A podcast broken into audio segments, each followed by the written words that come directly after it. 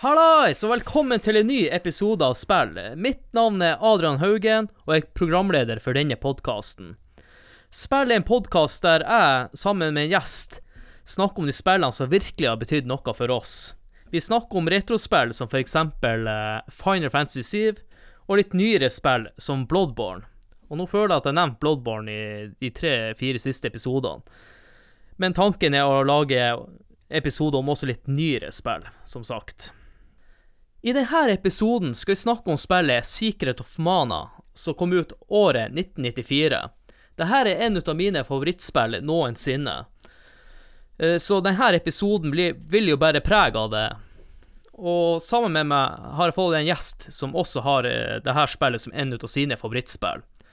Så da vil jeg bare ønske velkommen til eh, episodens gjest, og du kan jo gjerne introdusere deg sjøl. Ja, jeg heter Ralf, kjent fra sidelinja. Og ikke så mye annet for tida, for å si det sånn. Ja, du er jo henta inn som en uh, Secret of Mana-ekspert, eller i hvert fall en veldig stor fan av uh, spillet. Ja, om jeg er, er kanskje ikke sånn uh, superekspert, men, men, jeg har spilt spillet nok mange ganger til å Ja, til å kunne snakke om det. Og det første jeg bruker å spørre gjestene om, Eh, husker du de første møtet med det her spillet? Hvor du oppdaga det? og Ja, det var den tida da Akers Mikk var en greie. Eh, jeg tror det var det. Eh, så vi drev og bytta til oss spill og sånn, så vi sendte nedover et gammelt spill med masse penger. Og så da jeg og, jeg og broren min, da. Og så endte vi opp da på Secret of Mana. Det var, så ut som et kult cover. Og, og, så var det og Squaresoft, uh, de visste vi jo hadde lagd noen OK spill før. Så, mm. så vi, vi, bestilte det, da. Og så, og så sto det at det var treplayer, da, for da, da, kunne vi spille sammen, jeg og broren min. Ja, stemmer. Ja, og så starta vi det her. Så var det jo faen meg singleplayer. Og, og i en god stund Så vi, det ble jo litt sånn her Det ble jo litt sånn krangling over kontrolleren da, i den første Hva det er? Du spiller jo alene i en times tid eller noe sånt. Eh, før man plutselig fikk en, eh, den andre karakteren, og så bare uh, så, Og så var det det beste spillet noensinne etter det. Så eh, ja. Og dette her var jo Ja, det var vel sikkert det året det kom ut, vil jeg tro. Husker ikke helt, eh, ja. Så du fikk det da i Jeg tipper i 95. Spillet kom jo 24. november i 1994. Ja, da var det nok i 95. Eh, for min del så eh, hadde jeg to eh, kompiser da jeg var liten, som hadde snakk om det spillet. liten fun fact er at jeg bor i det huset de bodde i da. Og det har også hengt en Secret of Mana-plakat på der jeg har soverom nå, da. en liten fun fact med den der Secret of Mana-plakaten. På andre sida av den så har du et kart over hele spillet, da eller verdenskarter over områdene. Men nok ja. om det. Den, den, var, det husker den var litt sånn eh, Den var litt viktig da, da vi skulle drive og finne ut hvor vi kunne lande og sånt med etter hvert, sånn på slutten av spillet. Men for min del så eide jeg ikke spillet på den tida. Jeg måtte dra og leie spillet. Og den eneste plassen i Tromsø de hadde jeg spillet, var på Prima storkiosk, som er på andre sida av byen.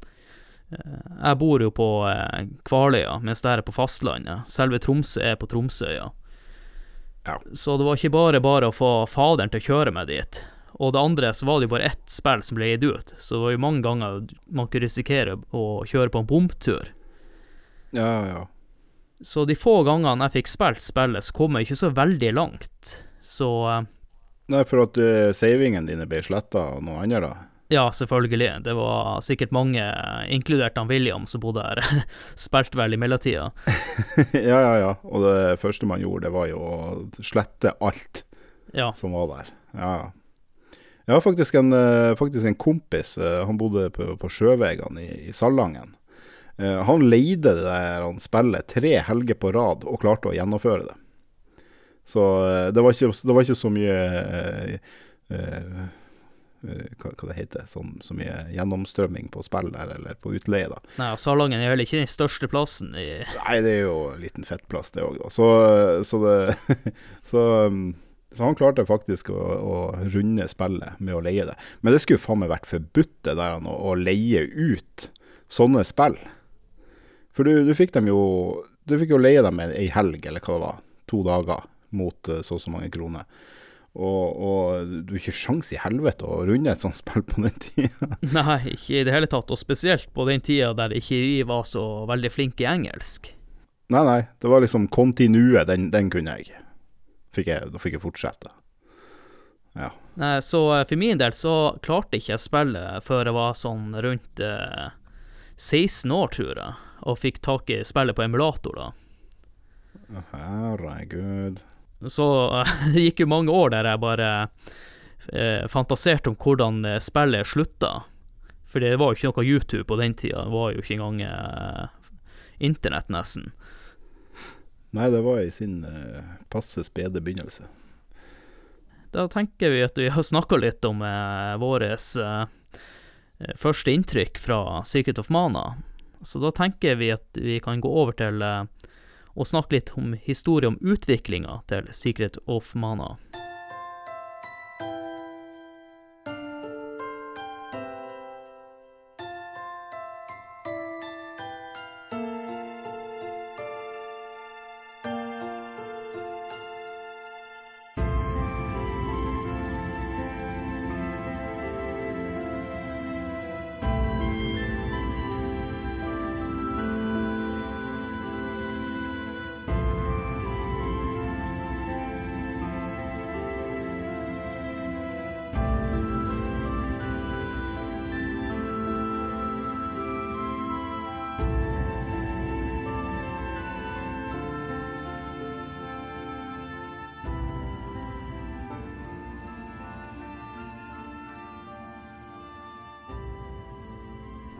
Utviklinga av Secret of Mana hadde en veldig kronglete start.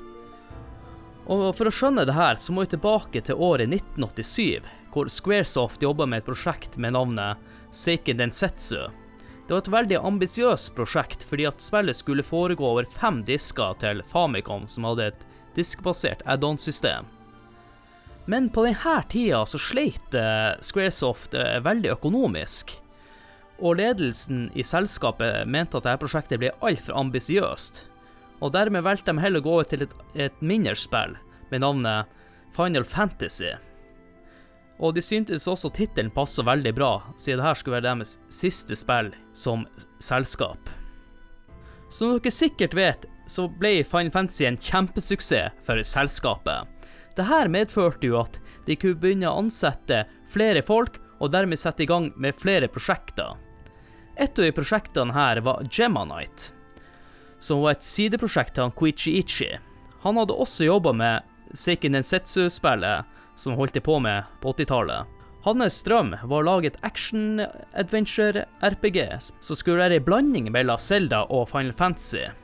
Dette prosjektet ble utvikla til eh, Gameboy, og spillet ble gitt ut i 1991 under navnet Seiken Densetsu i Japan, men i resten av verden gikk spillet under to navn, det ene var Final Fantasy Adventure, og det andre var Mystical Quest.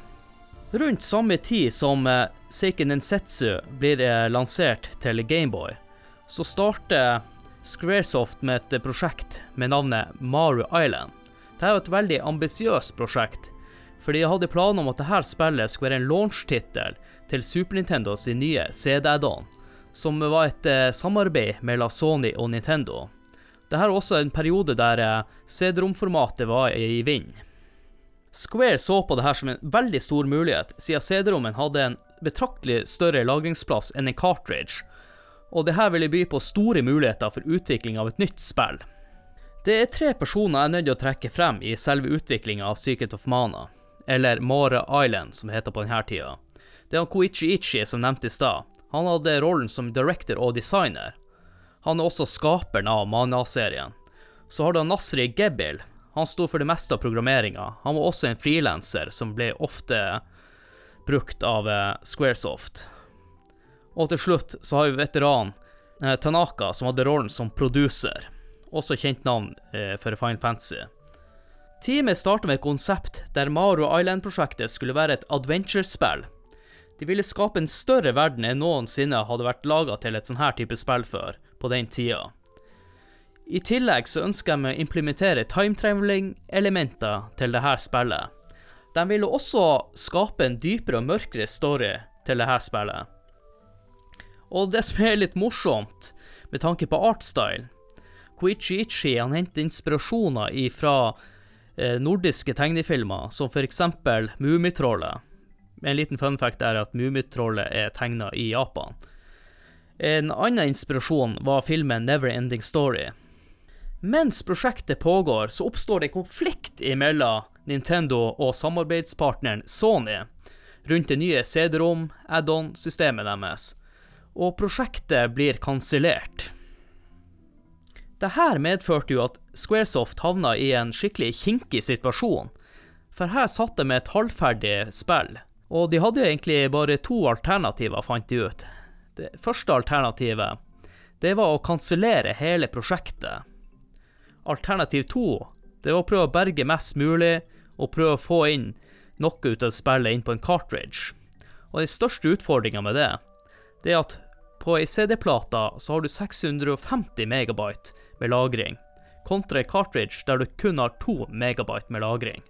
Squaresoft de valgte å gå for det siste alternativet, som var å få det mest mulig over på cartridge. Eh, prosjektgruppa de eh, følte at de måtte jobbe i en oppoverbakke hele tida. Og det de ikke var særlig happy for, var at de måtte fjerne hovedelementet til spillet, som var timetravelinga. En annen ting som de også måtte ofre, var artstylen til spillet.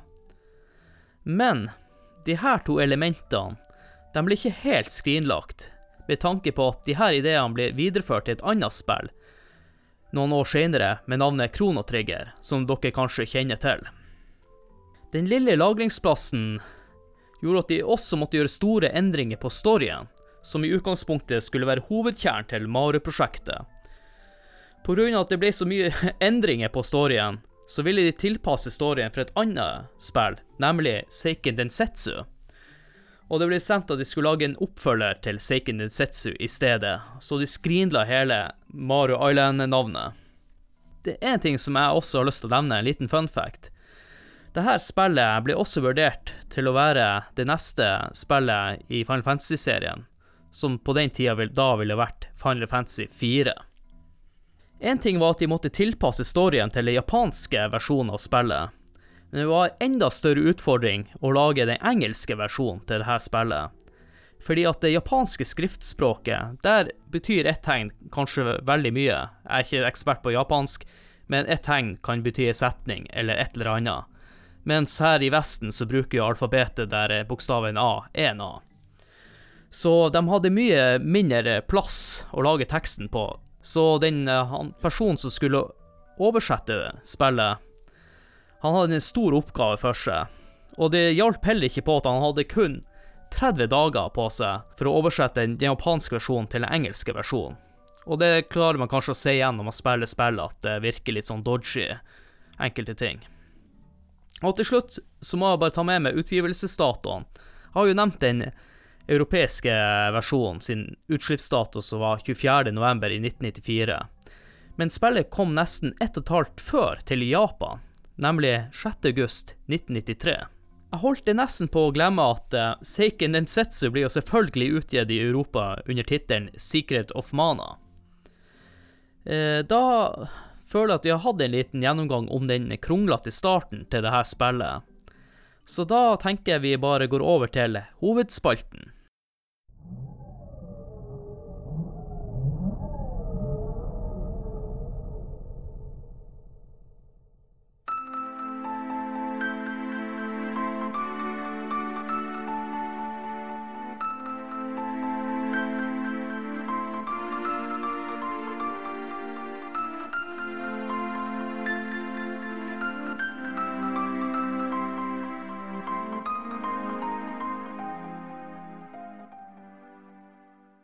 Da, Alf? er du klar for hovedspalten? Jeg er klar som uh, en kotelett. Skal vi bare begynne med starten av spillet? Kjør, kjør uh, intro. Nå er jeg en kar som bruker å skippe den introen til det spillet her. Jeg skal prøve så godt jeg kan. Eh, Det er en ganske basic story. Det handler om at mennesket finner ut av mana power. De bruker den manakrafta til å lage et mana fortress, som er et svært våpen. Eh, eh, Managudene blir forbanna og sender et eh, mana beast som angriper eh, Mana Fortress. Og så har du en helt som eh, må stoppe begge, fordi at eh, Mana Beastet kan ikke kontrollere seg sjøl, så den angriper alt. Så var det en helt som hadde et manasverd og beseira. Og årene går, og eh, Manahelten blir borte. Uh, Eh, manasverdet blir borte. Ja. Ja. Historia fortsetter der. Ja, og, og ja, historia gjentar seg. Ja. Det er vel egentlig det som står i introen. ja. Ja. Og det er jo det spillet også handler om. Ja, det er jo rett og slett en eh, Det er en, en gjenfortelling av noe som allerede har skjedd. Uh, fordi at det skjer igjen. Og så, og det, når du sier Mana Fortress, eh, for det er liksom et, eh, et mana-fort, og mana er liksom magien og magikraft i denne verden. Eh, men jeg husker da vi var små, da, eh, og ikke var så stødig i engelsk, så, så sa vi at det, det her var Mana Forest. Vi leste Mana Forest. Ja, ja, ja, det gjorde også jeg når du sier det. Vi gjorde det, ja! Se der! det er fantastisk. Men det var ikke akkurat det storyen jeg hadde fokus på på den tida. Nei, det var jo å fare rundt og slå og slå, og så bare eh, få oppgradert våpnene. Og, og ja. Men eh, broren min, han var jo han, var fem, han er jo fem år eldre enn meg, da, så, så han forklarte jo litt. Han fikk jo med seg historien. Så han eh, tok jo når han gidda, og så forklarte han litt hva som skjedde. Så du var en av de heldige som hadde tolk med det. Ja, ja, ja jeg, jeg hadde litt tolk med meg, og, og, og eh, Nei, det var ja, magisk. Magisk spill. Jeg vil også nevne introen til spillet når du starter spillet. Det er den uh, musikken du hørte før hovedspalten. da. Jeg syns det måten de bare har laga det der han, eh, Det høres ut som en sånn hvalerop i starten. Ulverop. Ja, nei, eh, hval. Høres ut som hvaleskrik. Du har hørt hvalene prate til hverandre. Ja, men jeg har aldri hørt dem ule sånn. Ja, OK. Ja, ja, ja, ja, men det er greit, det. Vi kan godt kalle det for ulvehyl òg. Jeg husker bare når vi, når vi, jeg husker bare når vi fikk det der han, uh, spillet. Reiv opp uh, eska, tok uh, kassetten ut av plastposen, sniffa på det. Den lukta av nye eh, Nintendo-spill, helt amazing. Og så satte vi det i eh, konsollen, og så starta vi, og så begynner den her ulinga. Da Det var bare OK, dette her er noe helt annet. Det var det vi tenkte. For det var bare helt episk. Du, du hadde aldri hørt, hørt noe sånt. Altså Musikken i det spillet her eh, Det går ikke an å, å ikke snakke om den, fordi at eh, Ja. Jeg tenker vi kan snakke litt om musikken litt senere, men det jeg skulle si med det han uh, ulveropet, det, er- det er simulert at det er mana-treet som prater til deg. Og de brukte faktisk Ah. ganske mye minne eh, for å lage den introen med teksten og alt det der, der i starten. De har eh, generelt sett brukt mye minne til, til musikken her. Men uh, vi, tilbake til starten. Du blir jo kjent med eh, en gutt som heter Randi. Ja, men, men hun Randi, han Randi, det Randi Han har jo ikke et navn i, i originalen, da. Nei, du kan jo navngi alle karakterene sjøl som du styrer. Jo, jo, jo men, men det står ikke noe navn der. Og, og det, det kan jo hende at det sto Randi i Eller Randy. Eh, er ikke det faren til han Stan heter Ja. i South Park? ja. Eh, det, det sto vel kanskje i den eh, boka som fulgte med. Ja, nå har ikke jeg studert eh, originalboka. Eh, men jeg, jeg husker jeg ble overraska da jeg lasta ned spillet på iPhone. Og så når jeg da skulle skrive hva jeg heter, så lå det allerede inne Randy.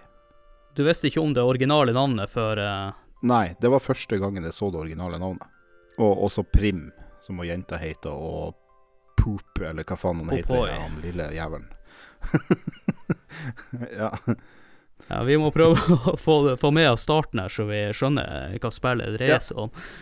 Eh, Du ser han eh, Randi, hovedkarakteren, eh, holder på De går på en tømmerstokk i med to andre, en, en tjukk gutt og en liten en.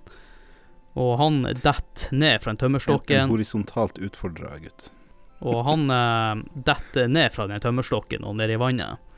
Så da starter jo spillet, og eh, det første du får beskjed om da, at her er gress, det her må du finne noe å kutte deg med. Ja. Og så ser du et eh, spøkelse. Nei, du ser sverdet. Du, Du hører vel bare en stemme først, og, og så finner du sverdet. ja, men sverdet ser du egentlig ganske tidlig, så bare gå bort til det. Og når du kommer til sverdet, så ser du en sånn spøkelsesskikkelse av en eller annen karakter. Ja, når du drar det ut. Eh, før det så, så, så sier bare stemmen 'Sverdet, dra det ut av steinen', eller et eller annet sånt. Men det som skjer da, når du drar ut det, det sverdet, det er jo at uh, du slipper løs alle de mørke krafter, da. Monstrene kommer til liv og alt det der. Ja, for den, eh, den har vel uh, forsegla uh, det Mana Fortress og, og, og monstrene i verden så lenge det sto i den steinen. Så det Du foresaker jo da eh, kinda Armageddon, Ja, du fucker jo til alt. men eh, det hører jo også til at, eh, at sverdet er jo blitt veldig eh, mye svakere enn det det var. Så før eller senere så vil det her skjedd uansett. For, for sverdet det blir svakere og svakere over tid. Så Ja. din jobb er jo her etter hvert her å gjøre sverdet sterkt nok igjen til å kunne slåss. Og det du gjør da, det er å komme tilbake til landsbyen. eh, Når du kommer i landsbyen, så havner du i en bossfight. Og når du beseirer bossen, så blir du kasta ut av eh, byen. Han kan jo ikke være gamle gutten. Hvor, hvor gammel er han her, tror du? Det er bare liksom bare på hodet og ræva ut av byen igjen. Men eh, med tanke på vennene hans og det her er japanske spill, så tipper han er ikke mer enn ti-tolv år. Ja, det, ja, det er det jeg òg tenker, at uh, han kan ikke være gamle gutten. Men uh, det som skjer da, det er at uh, du møter på en, en ridder da, som heter Gemma. Og det morsomme med navnet Gemma, som jeg nevnte før i stad Project Gemma. Yes, Eller var det Gemma Knight? Eller? Gemma Knight, men han er jo en knight som heter, som heter Gemma. Han er en knight som heter Gemma. og han er din guide gjennom det her. Ja. Det han vil, da, det er at du skal eh, finne alle de mana-frøene, da. Uh, skal vi forklare det med en gang, da? At, eh, altså, I denne verden her uh, Så mana kommer fra et uh, tre som heter mana-treet. Eh, du finner igjen det samme treet i Final Fantasy. Bare der heter det Lifa-tre. OK, det visste jeg ikke. Ja, det, men det er samme, det er samme treet. Uh, og, og ja, blant annet i et av favorittspillene til meg og han eh, Jan, som uh, da er Final Fantasy 9. Så, uh, så der har du Leafa Tree. Men ja. Og dette er da sånn her Vi kalte dem for hasselnøtter da vi var ja, det ser jo sånn ut. Ja. Men det er da frø ifra det her treet. Og det er åtte av dem, er det ikke det, i hele verden? Ja. Ja, og, og, og de eh, er så kraftig innsatt med, med den her mana-energien, da, at de kan eh, eh, gjøre våpenet ditt eh, sterkt igjen. Tenk, eh, tenk eh, de forskjellige sånne her, templene du må fare til i eh, Zelda. Ja. Jeg tror det er ganske greit å sammenligne det her spillet med Zelda kontra Final Fantasy. Det er mye mer likt Zelda enn Final Fantasy. Du skal ut, du skal Bare at her skal du finne mye mer våpen og Altså, det det er Zelda bare Uten puzzles. Ja, det er uten puzzles, og så er det mye mer slåssing. Så, eh, så det, det, er, det er bra, bare på en annen måte. Taler litt mer til meg, da.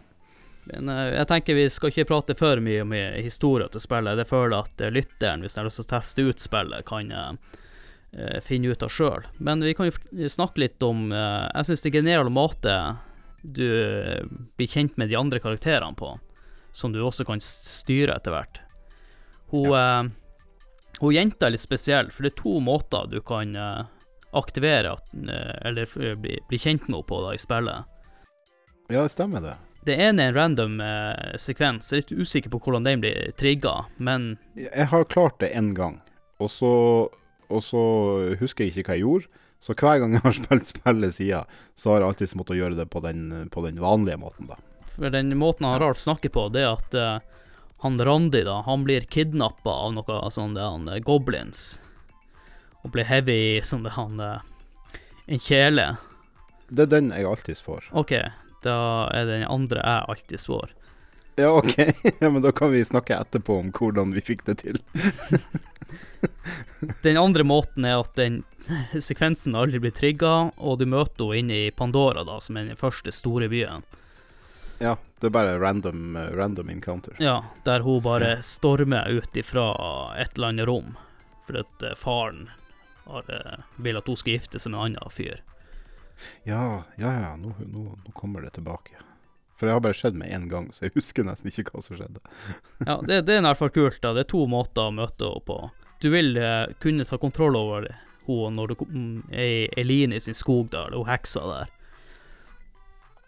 Som er det første ordentlige palasset. Han andre duden, han kan jo vel du ta, Ralf?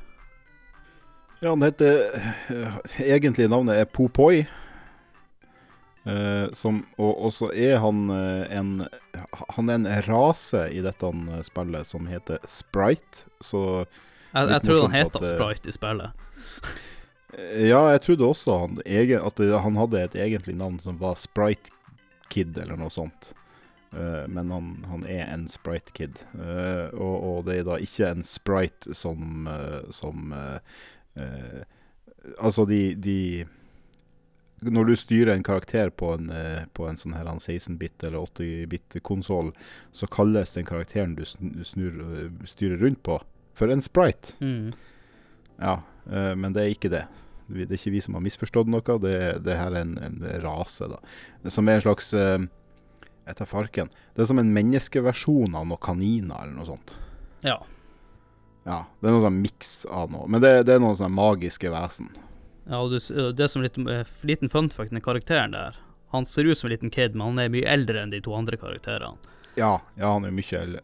Uh, men det, hvis man følger med på måten han prater på, så er det jo veldig, veldig åpenbart at han er, han er en del eldre. Eh, men jeg trodde jo at det var en gutt og to jenter da jeg spilte gjennom det her da jeg var liten. Ja, det er ikke enkelt å se på han der, han uh, Sprite. Nei, for han er jo bare masse hår. Det jeg har litt lyst til å snakke om, eh, det er det som gjør spillet her eh, som skiller seg fra Zelda. Vi kan jo snakke om eh, hvordan det er bygd opp, da. Det vi kan først nevne, det er faktisk selve menyen. Det er sånn ringsystem.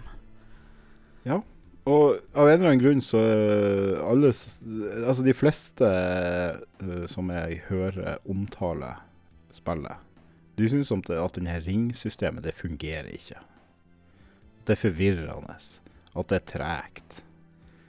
Eh, men jeg ser ikke så veldig mange andre måter å få dette til å fungere med magi og rustning og, og våpen når du har et flerspillerspill eh, på denne tida.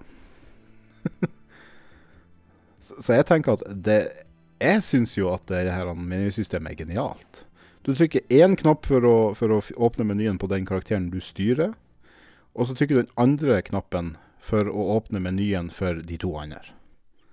Det, det, det, jeg, jeg har ikke jeg har aldri, Ikke engang da jeg var uh, Si 90 At vi spilte her i 95, da. Så ikke engang da jeg var ti år gammel, så var dette forvirrende.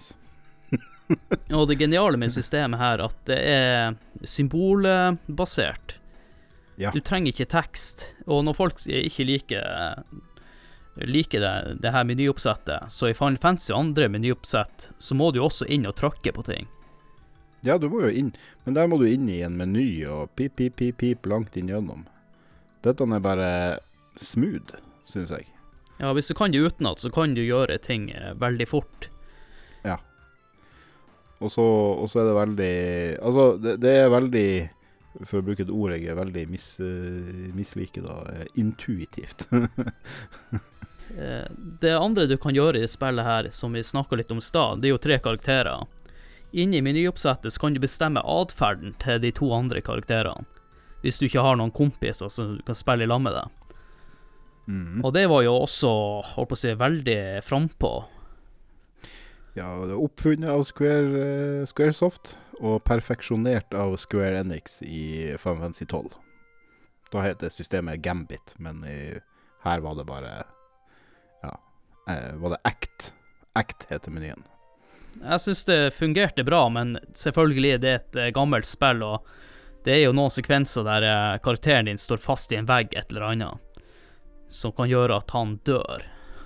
Absolutt. Det er ikke alltid så at de følger De følger deg ikke alltid akkurat i sporene dine.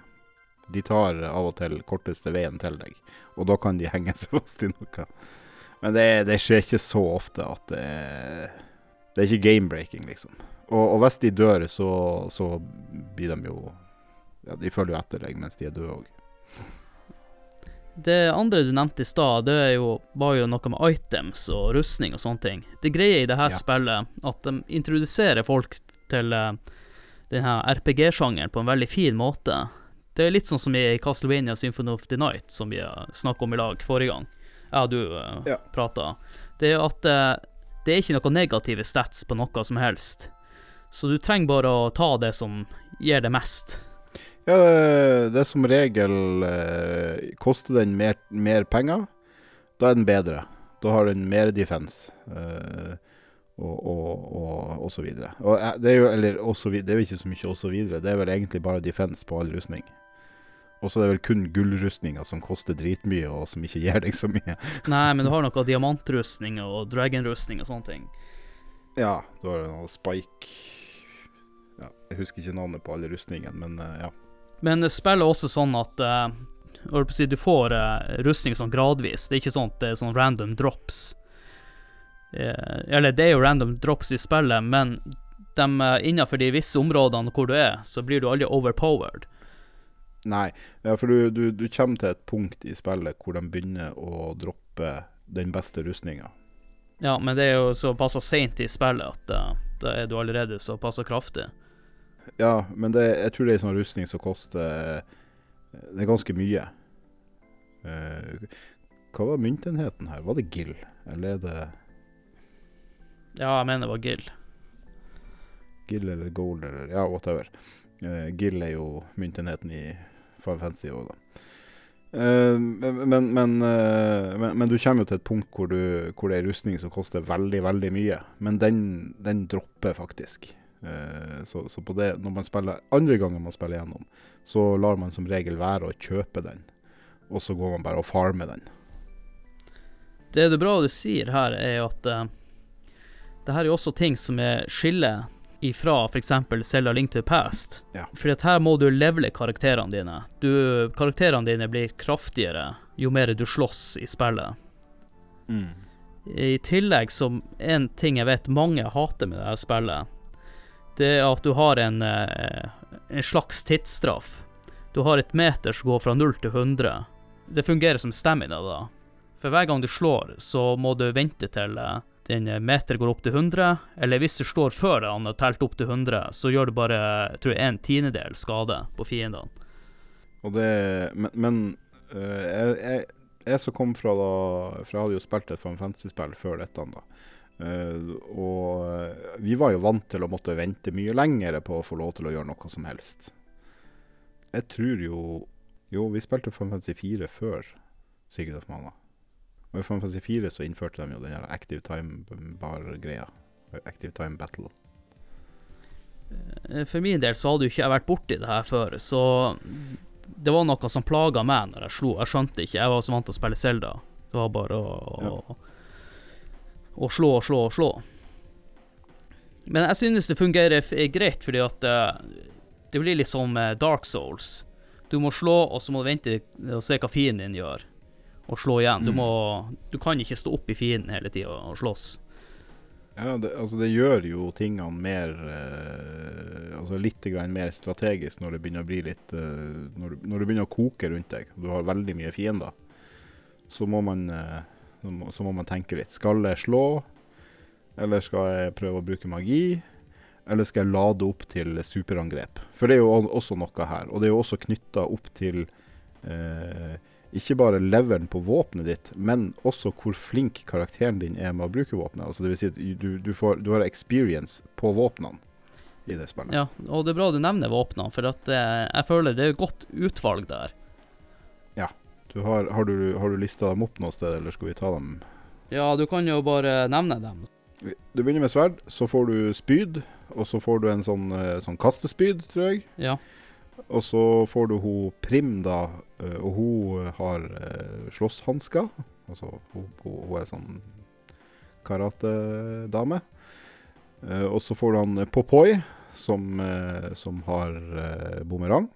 Og så får du ei øks. Så får du en pisk. Og en pisk, ja, selvfølgelig. Og den, er jo, den må du jo ha for å komme til en del områder. Ja, og den pisken er også brukt i Gameboy-spillet.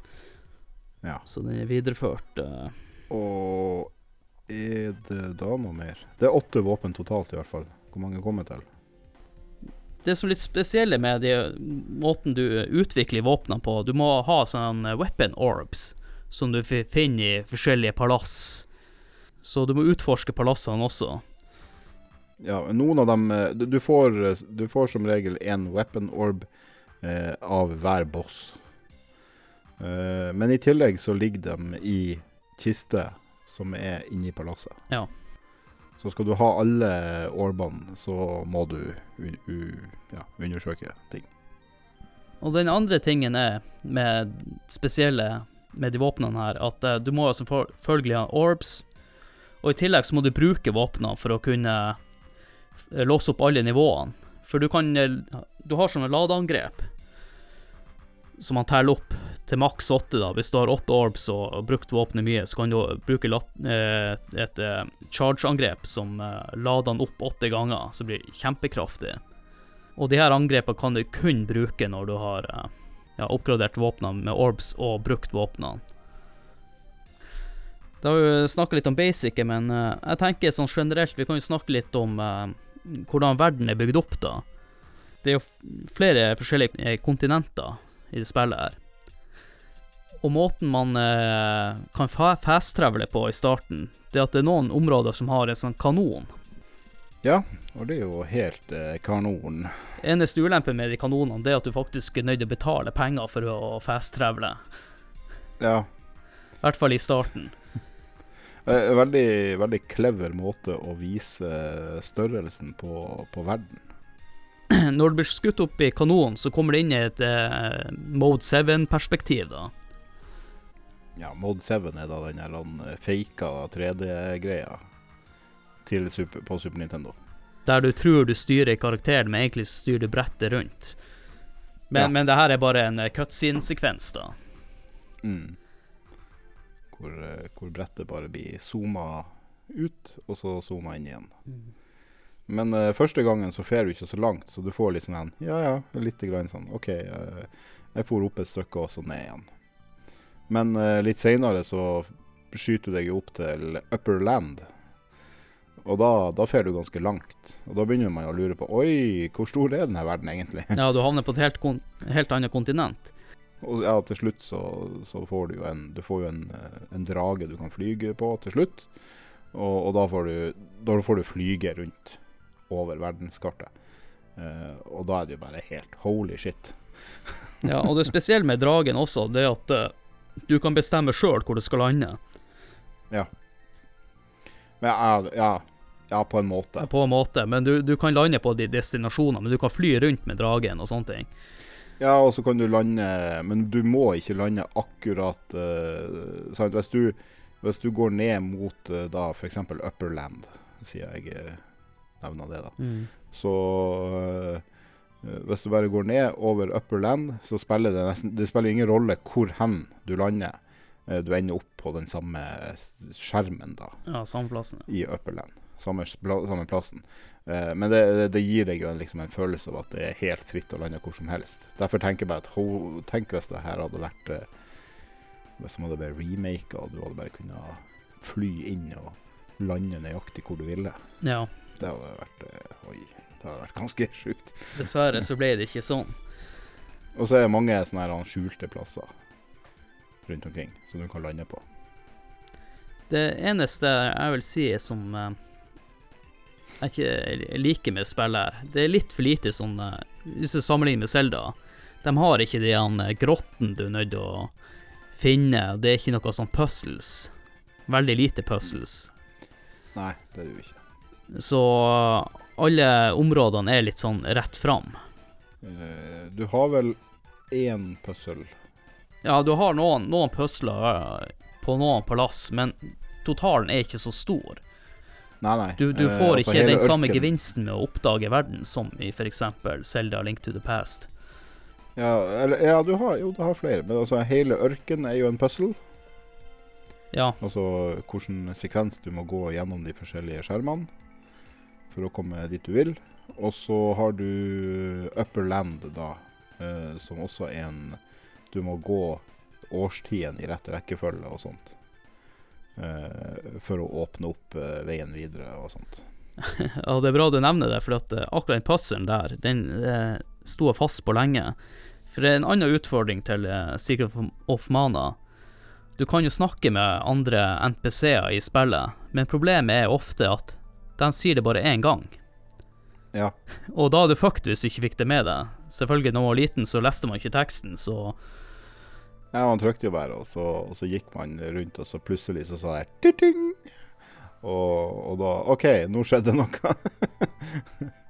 En annen ting som jeg har glemt helt av, det er jo eh, måten man saver på i spillet her, som jeg også syns er fantastisk. Du er nødt til å leie deg rom. Oh yeah. Som igjen eh, får meg jo litt til å tvile på alderen til karakterene.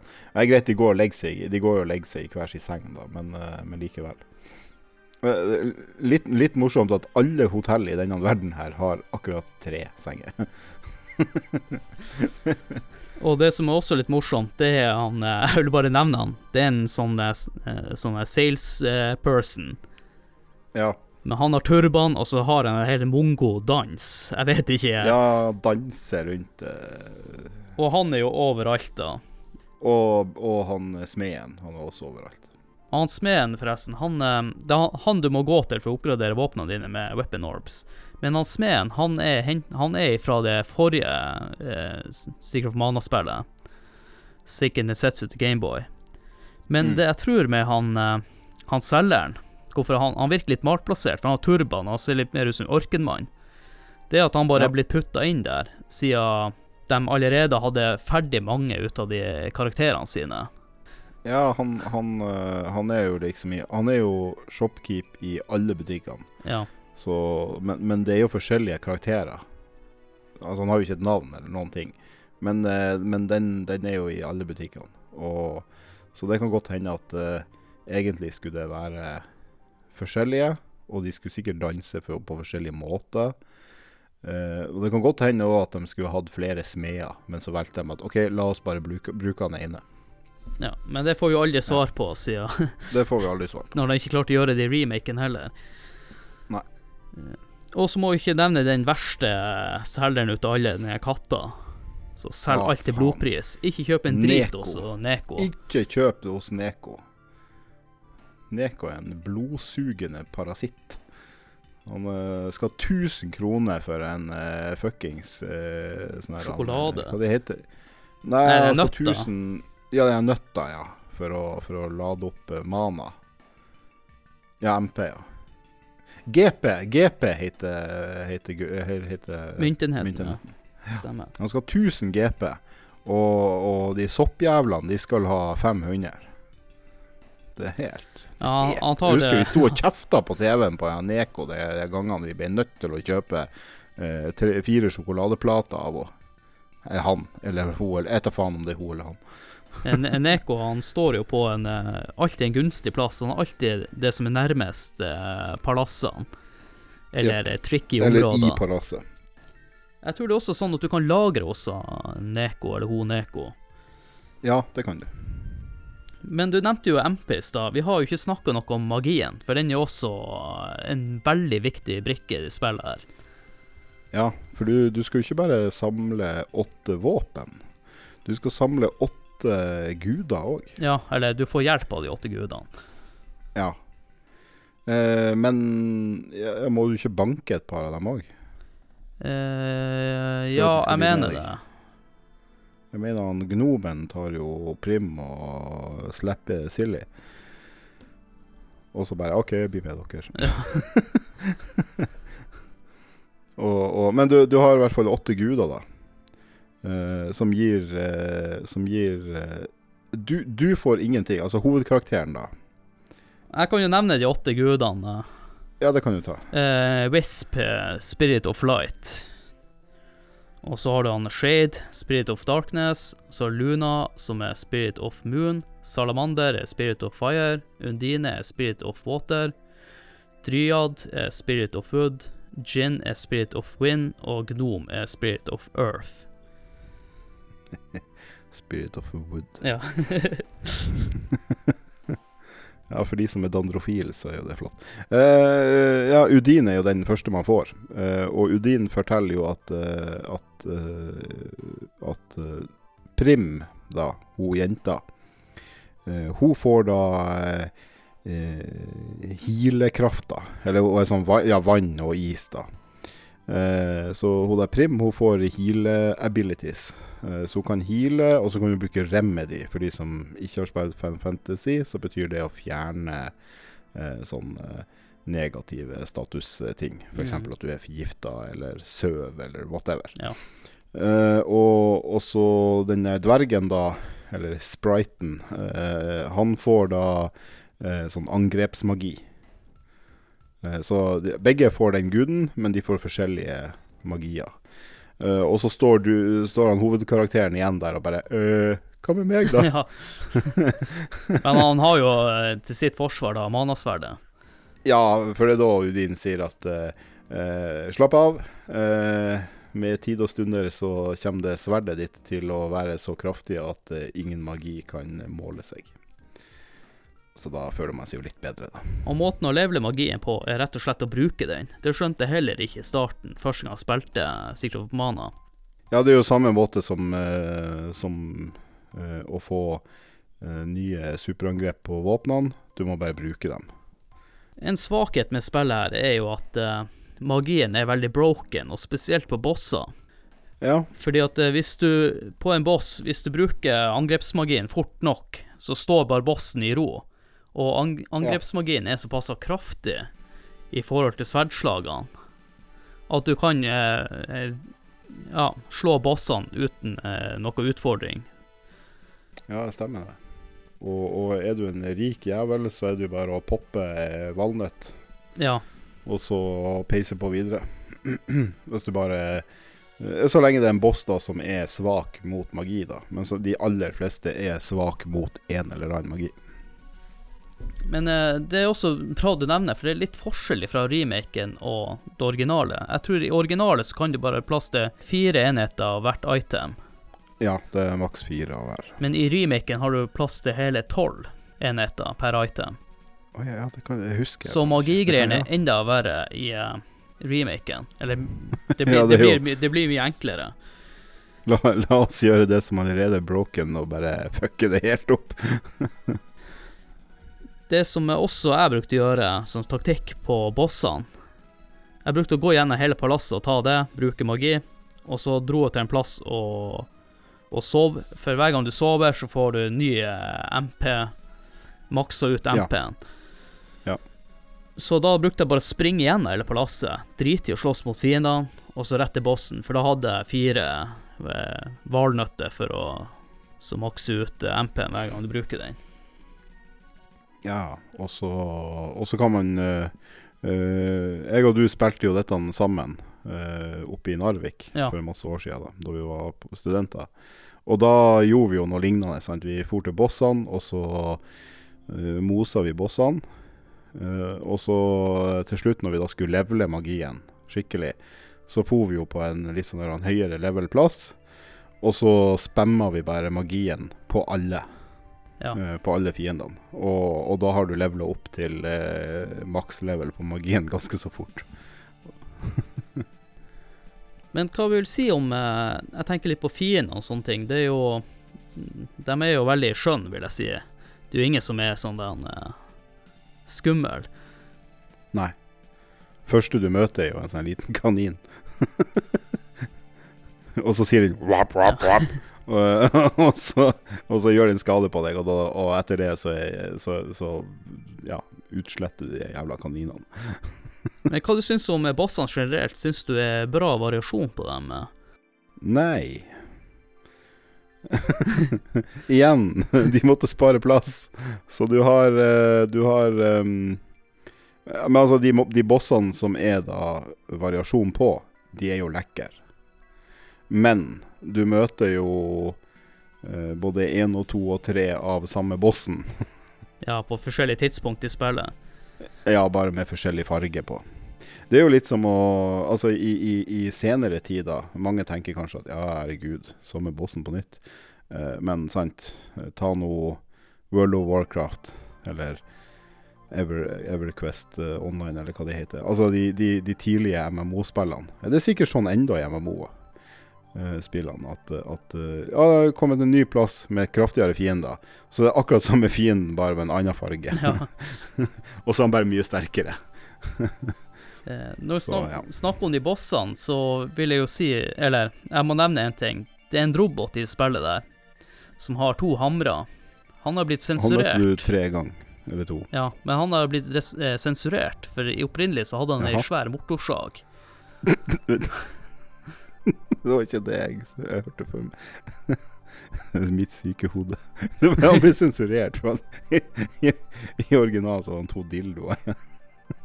Nei, det er s- så ille det ikke. Nei, OK. Ja, motorsag, ja. Men nå har jeg lyst til også å snakke om det som eh, vi begynte litt i den forrige spalten. Det er musikken. Ja. Jeg kan jo fortelle historien historie bak eh, musikken. Han som eh, lagde musikken, jeg husker ikke helt i farta hva han heter nå.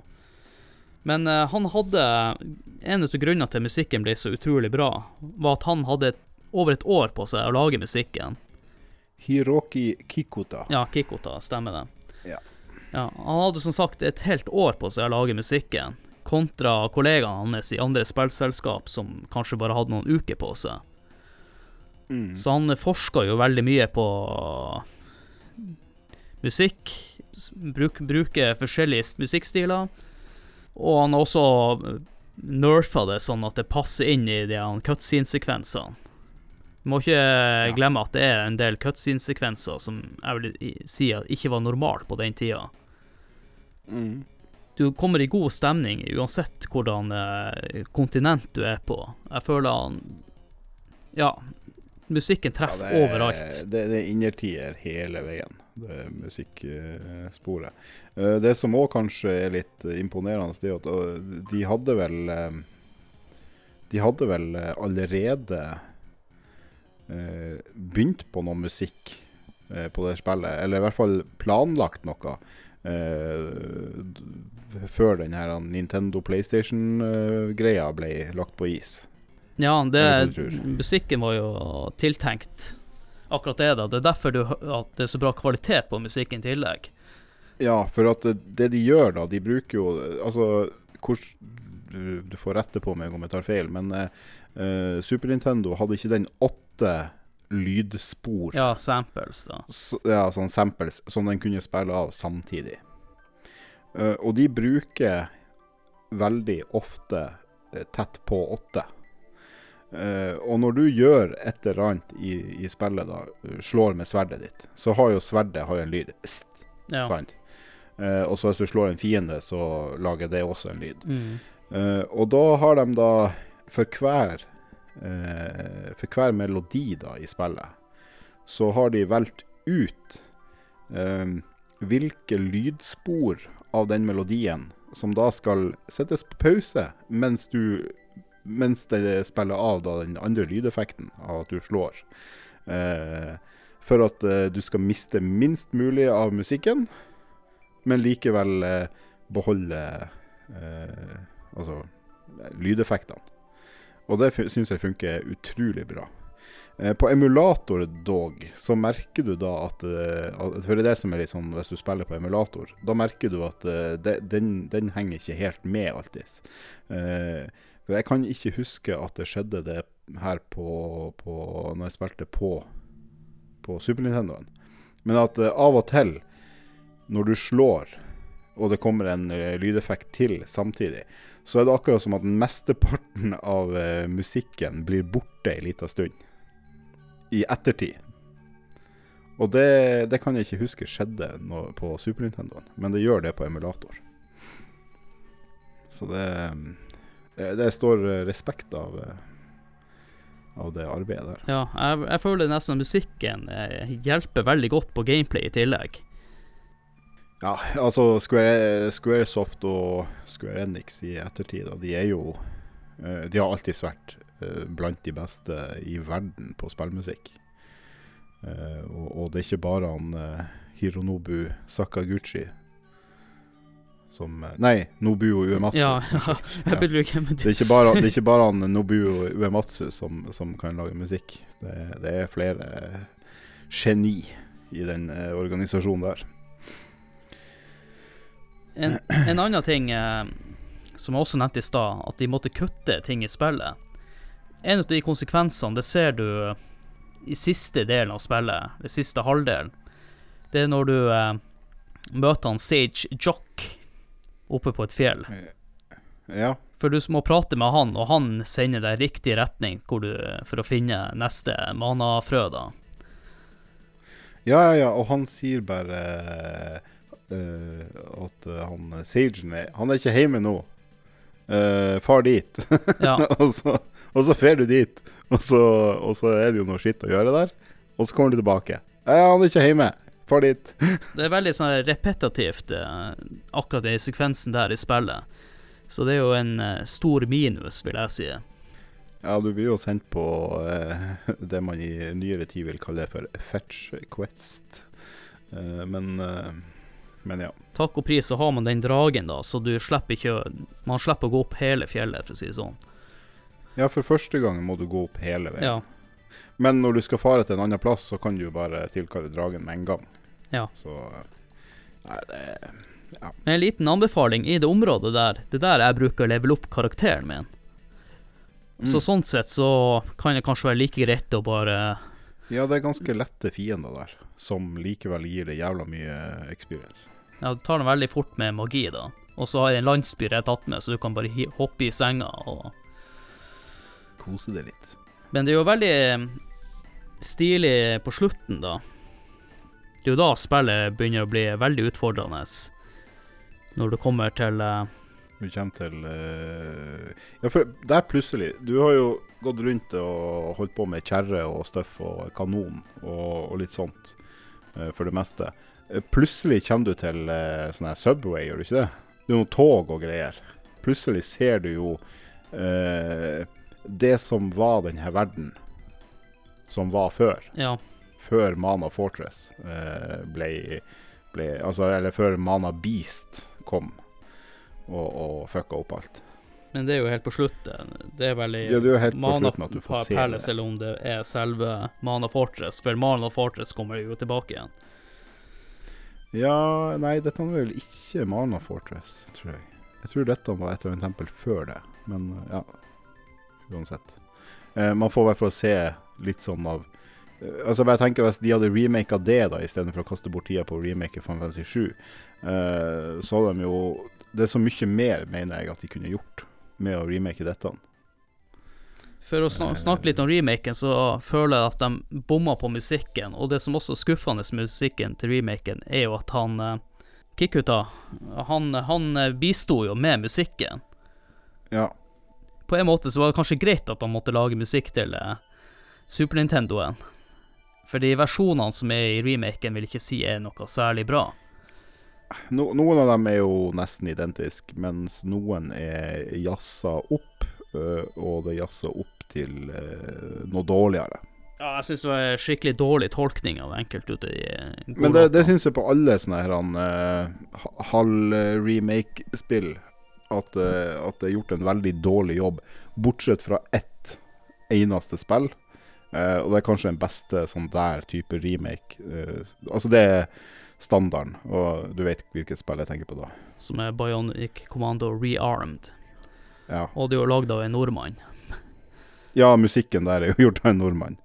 Det er bare Ja, det er, det, det, det er jo perfeksjon. Så uh, jeg hadde jo håpa på noe sånt da, da denne remaken kom. Men eh, det ble det jo ikke, dessverre. Jeg føler jeg er skikkelig hater nå på remaken, men en annen ting jeg også ikke likte med remaken, var at eh, eh, kameravinkelen på Super Nintendo, da ser du ansiktene til karakterene. Du ser Ja. ovenfra, med litt fra sida. Mens på remaken så ser du rett ovenifra. Du ser jo rett i planeten deres. Ja, det løfta, og så men, men så har de liksom gitt dem eh, ansiktsuttrykk. Men du ser dem så vidt. Det er i hvert fall veldig dårlig, det der eh, Og så får du i tillegg eh, sånn her eh, katterustning og moggsuit som du kan kle på dem. Du kan jo gå inn i menyen og så kan du bytte utseende på karakterene. Som er litt waste, da, i og med at du ser det jo nesten ikke. Ja, det er i hvert fall helt bortkasta, men jeg føler ikke at eh, remaken fortjener en plass i denne episoden. Så skuffa er jeg ut av denne remaken. Og som jeg sa, det her var en remake ikke jeg ønska meg. Jeg, Ja. jeg føler at de Sikromaner ikke treng, Nei, de, trengte en de remake. ga det ut eh, De ga spillet ut på iPhone og Android, og det holdt egentlig med det. De hadde ikke trengt å lage en remake. Eh, for spillet sånn som det opprinnelig var, det er det, det, det er så bra som det kan bli, eh, uten at de virkelig tar grep og gjør, lager et helt nytt spill og tar med alt det som aldri ble tatt med. Det jeg lurer på, er om vi skal snakke om slutten av spillet, eller om vi skal la lytterne få finne ut av det sjøl.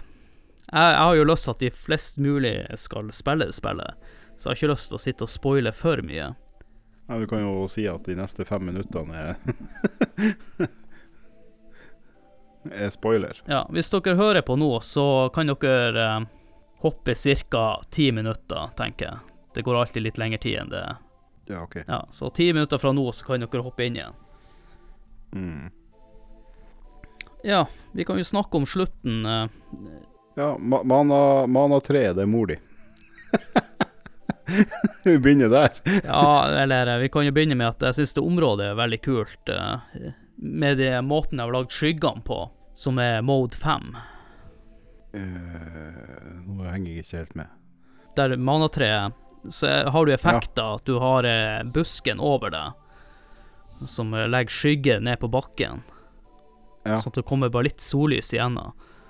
Som jeg syns er utrolig kult. Og så har du jo noen Mm. av de tøffeste fiendene der. Den der Griffin-greia, som er en Griffin-fot med en dusk på. Rosa dusk på. Og det er den eh, fienden du må drepe for å få tak i den beste rustninga.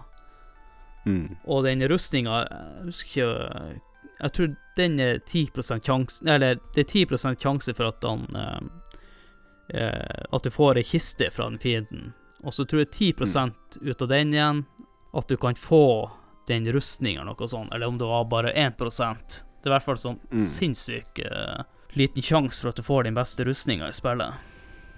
Mm. Og i tillegg så må du jo eh, ja, slåss mot en haug med fiender. Ja, det, det er ganske heftig sted til å være liksom eh, det som da burde vært det tryggeste stedet. Eh, men ja, ja, for du, du kommer jo da til opp i skogen der som manatreet er. Du skal slåss deg fram til manatreet. Der får du da den siste orben. Ja, det heter Pure Land, forresten. Ja, Pure Land, ja. Eh, du får den siste orben til sverdet, sånn at det blir level 8. Og så Altså, alt er åtte i det spillet her. det, det er åtte guder, det er åtte våpen, det er åtte levels på våpnene, det er åtte levels på gudene. Um, og det er åtte mana seeds. Ja. Og ja. Så alt, alt går opp i åtte. Eh, de, de, de, missa den her tretallsregel i eventyrtimen. Uh, men eh, ja, du får siste orben, og så blir du fortalt at uh, manatreet er mor di, så du er basically Jesus.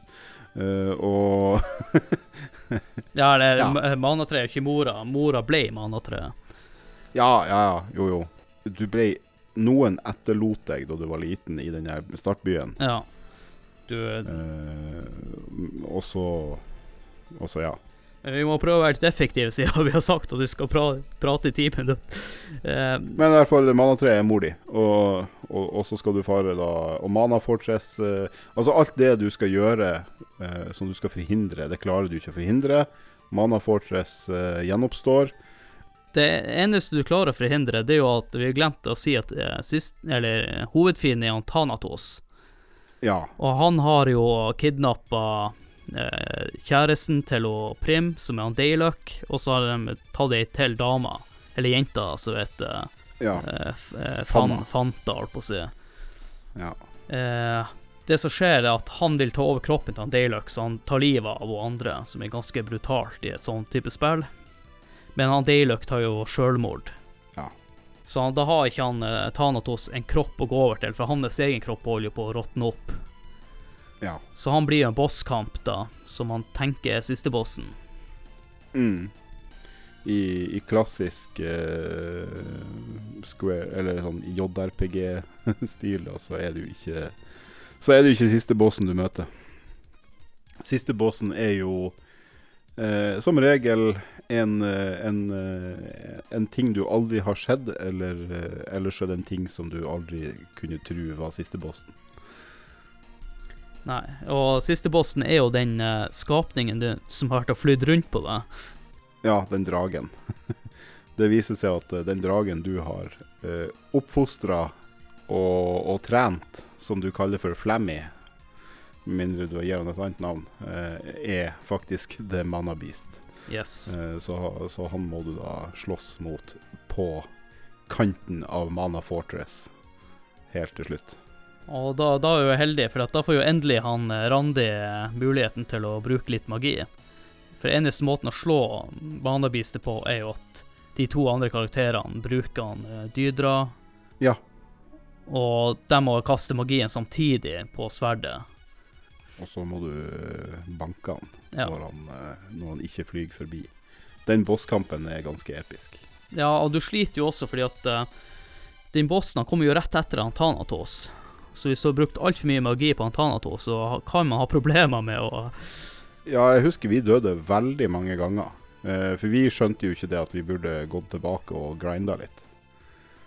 Det er også Så- tabben jeg gjorde første gangen jeg spilte det der. At jeg bare Siden man klarte å spamme de andre bossene med magi, så tenkte, tenkte man at det her også blir enkelt, men problemet var at man gikk valnøtt tom og for én magi. eh, Ja, jeg, det var ei valnøtt og ei sånn her, en sånn her cup of wish. Ja. Uh, som, som er da Phoenix Down i, i dette spillet.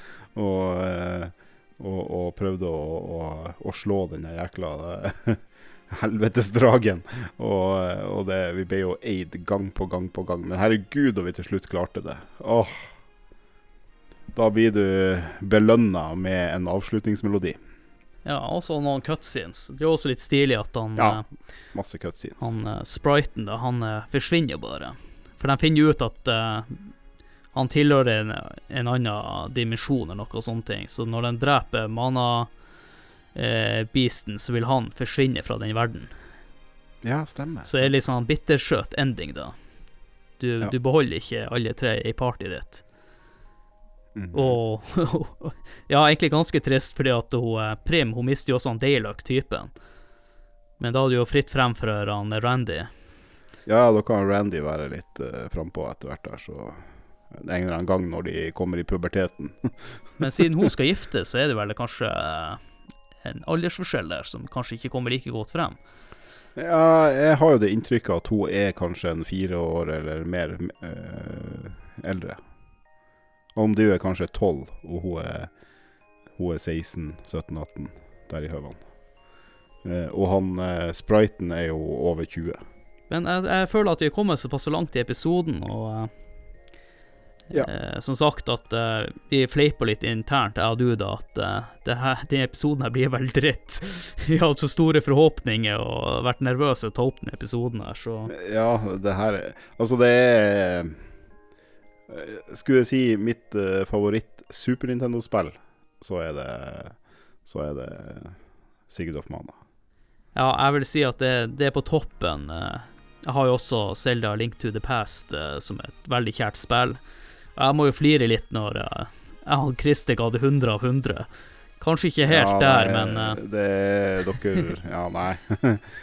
Men vi skal jo finne ut det i neste spalte hvordan karakter det her spillet blir å få, da. Men det blir nok ikke 100 og 100, for å være helt ærlig.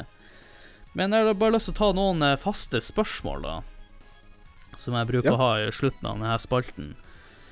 Eh, hva du vil si trekk opp spillet? Hva du vil si er bra med spillet? her? Pacinga syns jeg er veldig bra. Eh, og, og musikken, ikke minst, er veldig bra. Eh, det er mye action. Du Altså, det er et action-RPG. Så vet du hva jeg vil si er det aller beste som spiller her? Jeg føler at du er på en reise. Ja. Som ikke mange spill klarer å få meg til å Nei, gjøre. det, det er jo og- det som mangler i sida Selda, føler jeg. Uh, det at uh, du har en uh, Du har en avgrensa verden. Som du ser hele verden fra første gang du kan åpne kartet. Eh, og, så bare, bare beveger du deg rundt på det her avgrensa området. Mens i, i Sigrid of Mana så du starter utenfor denne lille byen. Og så må du plutselig ut i verden alene. Og så blir du skutt i en kanon til et annet sted, og så, så ser du at å ja, verden er faktisk en del større. Og så får du se at verden blir enda større. Og så til slutt så er du bare en liten kar som flyr på en drage over den gigantiske verden. Som bare var Ja. Jeg kritiserte jo spillet i stad med at det ikke har eh, puzzles og sidequester. Men det positive med det, da, at det blir veldig storydreven. Du glemmer aldri av hva hovedmålet ditt med den reisen her er. ja det er Kontra Zelda, der du tar et palass, og så finner du ei hule. Her hula må jeg finne noe Lete etter hjertedeler, ikke sant. Du mister litt pacinga i hva den storyen prøver å fortelle deg. Mm. Men det er jo storyen som regel ganske slapp i, i Zelda-spillene. Ja, for det neste spørsmålet er hva du vil si trekker ned spillet? Hva som trekker ned? For meg så er det ikke så mye som trekker ned. Eh, det er en del Altså, det er jo gjenbruken av eh, bossene. Eh, og så er det en del grinding som må til i det spillet. Det er ikke Det er ikke så veldig mye. Nei, men det burde kanskje ha Og så er det på grunn av den oversettinga, da, som, som er veldig forkorta. Så eh, i hvert fall første gangen du går gjennom det, Så så er det ikke alltid at du helt føler at du vet hvor du skal. Jeg har ei lita høne å plukke med. Jeg har sett på litt reviews og sånn, jeg har gjort research til episoden her. Ja, ja, lyttere, jeg har faktisk gjort research, for om det kanskje har vært litt rotete, den hovedspalten her. Eh, det de nevner, det er storyen, at den er dårlig. Men Mm. de eksemplene jeg trekker frem, det er Final Fantasy 6 og uh, Chrono Trigger. Men husk nå på, Ja. de spillene der er jo tre-fire år uh, nyere spill. Ja, Final Fantasy 6 kom i 96. Ja, noe sånt. Det her kom i 93 til 94. Ja, eller spillet kom ut i 93, da. 94 i Europa, men Mm. Men uh, ta nå, nå vil jeg ikke snakke stygt om Zelda Link to the Past, men uh, storyen i Selda Link to the Past Den er jo enda mer platt enn Secret of Ja. Mana, og Secret of Mana har masse cutscenes osv. som ikke er Zelda i det hele Kan tatt. ikke måles. Så spillene her er jo veldig gameplay-orientert, men uh, med tanke på når spillet kom ut, i Secret of Mana, så syns jeg jo storyen er helt greit, enda den er kutta ned så mye som den er gjort. Ja, nei, jeg, er happy. Du får, du får til og med møte julenissen i det Ja, det gjør det også. Nei, du må lete etter han først. Ja. ja, du må lete etter han først. Men du skjønner jo hvem du leter etter når du møter han Rudolf, og han kan prate. Men det er litt sånn artig, sånne tvister. Ja. Så jeg synes ikke storyen er så gærlig til å være et så Super kan, du- og så kan du reflektere litt over ting etterpå. da sånn, Du, du gjør jo en, eh, en, eh, en plass eh, ubeboelig, gjør du ikke det? Ja, det gjør det også. Når du tar eh, Du tar jo eh, flammeguden. varmen fra et Ja. Eh, som siste år eh, før denne spalten, så skulle jeg ønske at det kom eh, At det blir satsa litt mer på Secret of Mana-serien. Nå kommer det jo en eh, remake av eh, Secret of Mana 2, da, eh, i Ja. 2020. Men uh, jeg føler at det er ganske det, og det, Det kommer litt kom jo aldri til Europa. Nei. Det, det er vel fanoversatt. Alle versjoner av Seiken Densentu 3. Det er vel uh, fanoversettelse. Ja. Men jeg skulle ønske at de satsa litt mer på den serien. Du har jo noen som kom, spill som kom til uh, Gameboy Advanced, mener jeg. Og du hadde noe Children of Mana og sånne spill. Men jeg føler at det er litt sånn B-spill. Kom også etter PlayStation 2, hvis jeg ikke husker feil. Hvor uh, armen din er magigreie. Manasverdet er en del av armen til hovedkarakteren. Eh, jeg spilte aldri i spillet, mener jeg. Men kanskje vi eh, en gang eh, seinere lager en eh, episode om de andre Mana-spillene. Ja, kanskje. Da føler jeg at vi har eh, fått snakka en god del i hovedspalten, så da tror jeg bare setter over til siste spalten der vi rater spillet.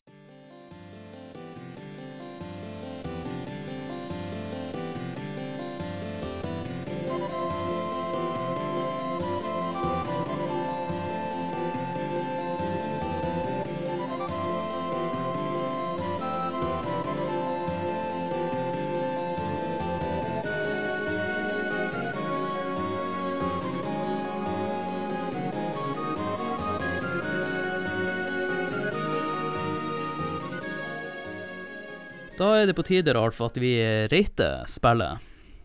100 av 100. Ja, vi må først gå gjennom punktene her. Og så vil jeg demanti på den jævla 100-100 av Selda Link to the Past. Eh, Den skalaen vi bruker, den er henta fra Nintendo-magasinet. Der vi har fem kriterier vi bedømmer, som er grafikk, lyd, spillkontroll, underholdning og holdbarhet. Og skalaen er fra én til ti, da. Så da tenker vi begynner med grafikk. Ti!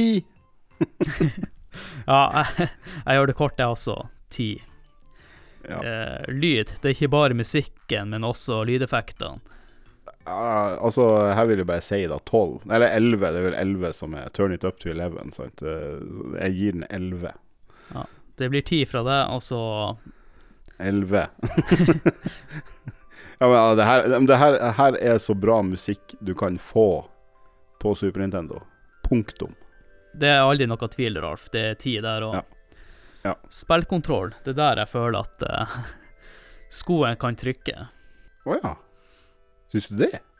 det? Det her med, med at du må vente innimellom. Og så kanskje at du må vente også når du, når du, når du sprinter. Ja, og i tillegg så Siden du har eh, to stykker i partyet ditt, så blir du alltid litt påvirka av dem. At de låser Ja, fast og sånne ting. ja, at de kan henge seg på. Jeg kan være enig i det. Åtte. Jeg gir også en åtter. Altså, styringa av karakteren i seg sjøl er jo smooth som faen. Men ja, eh, de kan De, de, de hjelperne Ja, hadde du kun spilt én karakter der, så hadde det vært en tier fra, fra meg. Ja, ja men, men, men det er jo det at du, du trykte en gang på select, så bytta du jo til eh, neste karakter. For du kan jo bytte, det glemte vi å snakke om òg, at du kan jo selvfølgelig styre den andre karakteren òg. og alle kan bruke alle våpen. Eh, så det som var Det man alltid sender opp med, det er at én har sverdet, én har øksa, og den siste har pisken. For da kan du økse ned ting som står i veien, du kan piske for å komme deg over eh, klippet og sånt. Og så har du sverdet, selvfølgelig, som er det kraftigste våpenet. Mm. Og da trykker du bare select for å bytte til den karakteren. Så du man, man, Det å levele opp alle de andre våpnene, det er liksom sånn ekstra gjøremål. Ja, det er bortkasta tid, for du får jo ikke noe achievements. eh, tid. I hvert fall på Super Nintendo. Ja, ja, hvis du skal ha achievements, da, da, da gjør du det. Men, men ellers er det bare bortkasta tid. Så, så jeg føler jo at uh, når man blir vant til det, eh, at de kan fare og sette seg fast, så bare bytter man til den karakteren som har satt seg fast. Ja, men ulempen da, da kommer jo alle de andre til deg.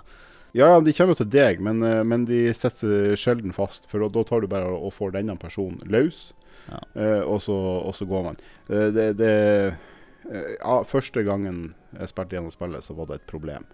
Eh, og, og irriterende til tider. Men jeg kan ikke si at det har vært det etterpå. Nei, men eh, det. siden du hadde en lang Men, men jeg kan, jeg kan der, gå ned to Jeg kan gå ned to til en åtter. Eh, un underholdning, da.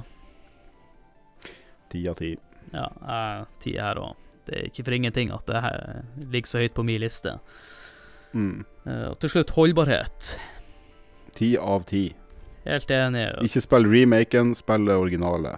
Ja, remaken telles ikke her. Og som jeg, ja, Christer nevnte i den første episoden, Stella Link to the Past, det er noe med den 16-bit-grafikken som virker litt sånn udødelig.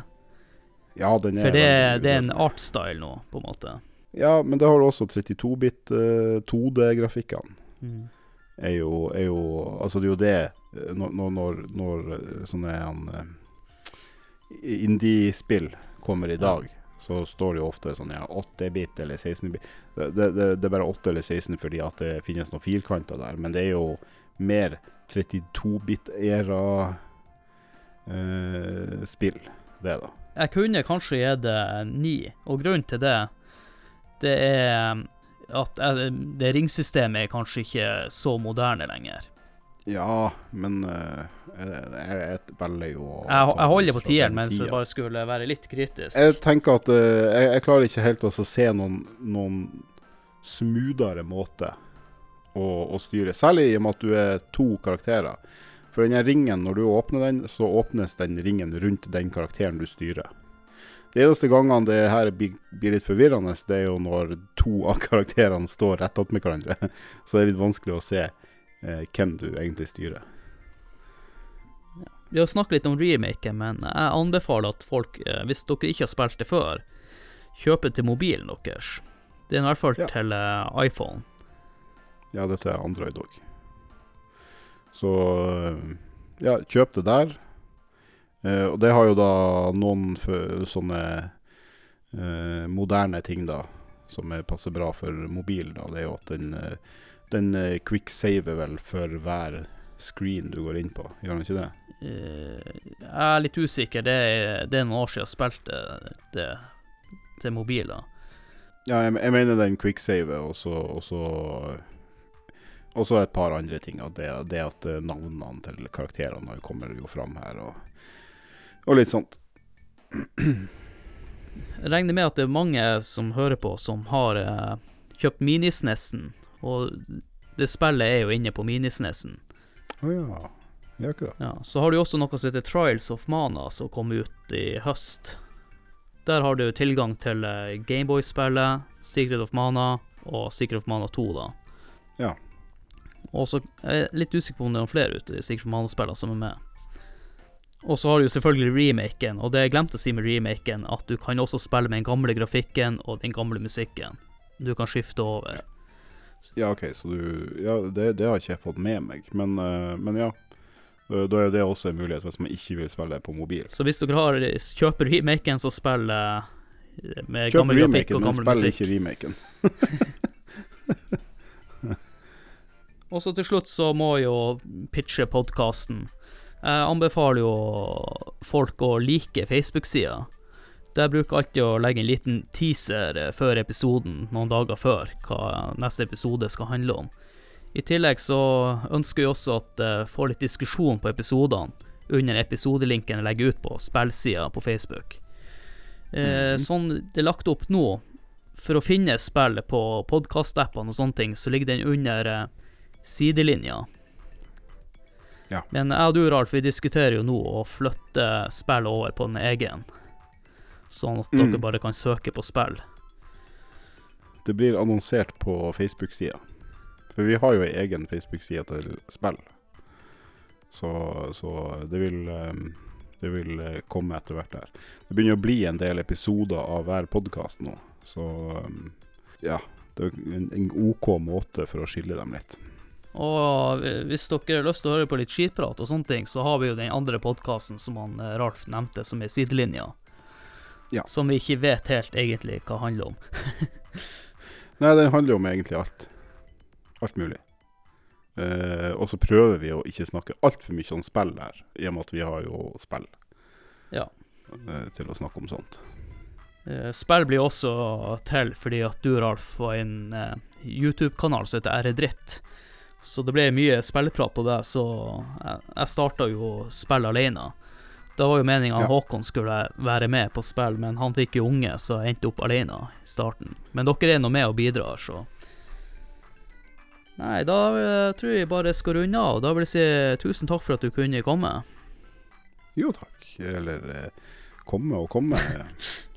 Jeg sitter nå her på et hotellrom nede i Tyskland. Da vil jeg bare si eh, takk for meg. Og takk for meg. Ha det.